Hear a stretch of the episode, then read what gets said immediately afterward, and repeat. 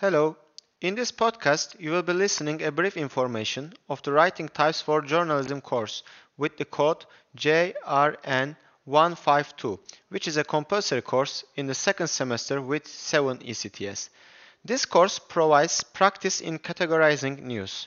Students will learn to recognize and analyze and write different types of news stories and gain experience with journalistic writing and news gathering techniques. The first term covers political news, business and finance news, crime news, sports, and entertainment news. For more information, you may review the course syllabus on the Journalism Department webpage.